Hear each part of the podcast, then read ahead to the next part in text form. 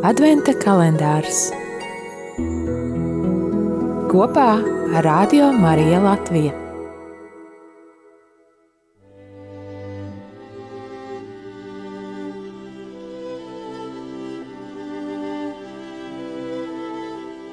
Divdesmit devītais novembris. Lasījums no Mateja evaņģēlija 8. nodaļas, 5. līdz 7. pantam. Bet, kad viņš iegāja Kapernaumā, viens virsnieks nāca pie viņa, to lūdza un sacīja: Kungs, mans kalps guļ mājās, triekas ķerts un cieši lielas mokas. Un Jēzus uz to saka: Es iešu un to darīšu veselu.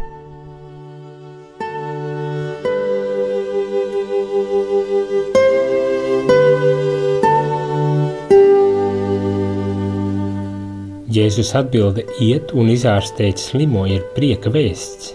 Viņš nav vienaldzīgs un neieinteresēts cilvēku sāpēs un ciešanās. Bet kāpēc tomēr notiek tik daudz sāpju un ciešanu? Tas ir jautājums, kas daudzus, jo daudzus nodarbināja pirms mums un vēl tikpat daudz nodarbinās arī pēc mums. Iespējams, tas liek mums apzināties, ka mūsu bēdas un brūces tiek dziedinātas tikai tad, kad mēs tām pieskaramies ar līdzjūtību un žēlsirdību.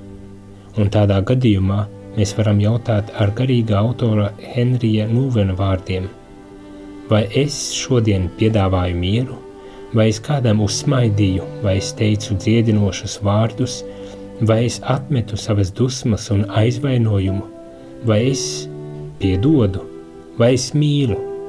Šie ir īstie jautājumi. Man ir jātic, ka tas mazais mīlestības gabaliņš, ko es sēju tagad, nesīs daudz augļus gan šajā pasaulē, gan nākamajā dzīvē. Taču ir reizes iespējams, kad mēs esam aicināti apzināties, ka ir ciešanas, kuras vienīgi Jēzus var remdēt un dziedināt. Tad, kad medicīna un līdz cilvēka palīdzība vairs nevar līdzēt.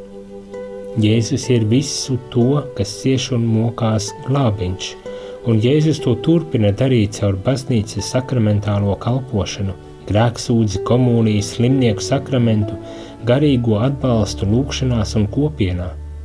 Protams, ka mēs esam visi vāji un ierobežoti, un arī baznīca sastāv no šādiem cilvēkiem un savā vājumā var ievainot, bet savā dievišķajā misijā pāri visam cilvēciskajam vājumam Dievs ir klātesošs un darbojas, un viņš mēdz to darīt kā ikdienišķos, tā arī pārsteidzošos mūsu dzīves notikumos, attiecībās un situācijās. Un iespējams, tikai iespējams, tas, kas notiek, kad cilvēki atver savas sirdis, ir tuvu dziedināšanas brīnumam.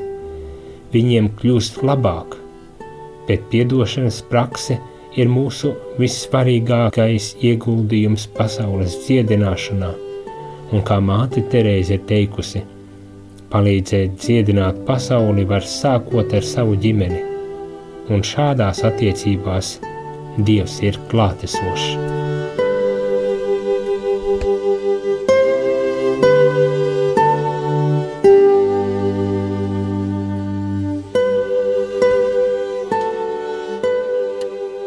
Dienas uzdevums. Dāvāsim šodien saviem tuviniekiem labus vārdus.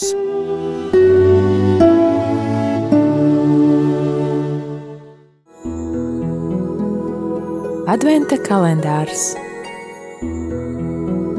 kopā ar Radio Mariju Latviju.